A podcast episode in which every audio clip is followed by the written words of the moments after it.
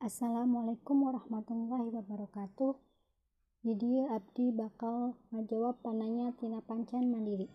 Muka hiji nyaeta sabab nateh nyaeta Pangeran Gesan Ulun atau Raja Sumedang ngiwat Ratu Harisbaya, istri Pangeran Girilaya atau Raja Cirebon. Nuka dua, Aki sayang hawu teh kernyian petanda saacan perang jeung kerajaan Cirebon.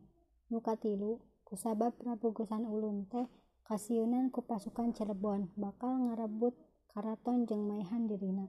Nuka opat kusabab kinangganan teu usaha neangan kisayang hawu malah langsung balik ti heula. Lima sabab nyeri asa dihianat. Tos sakitu wassalamualaikum warahmatullahi wabarakatuh.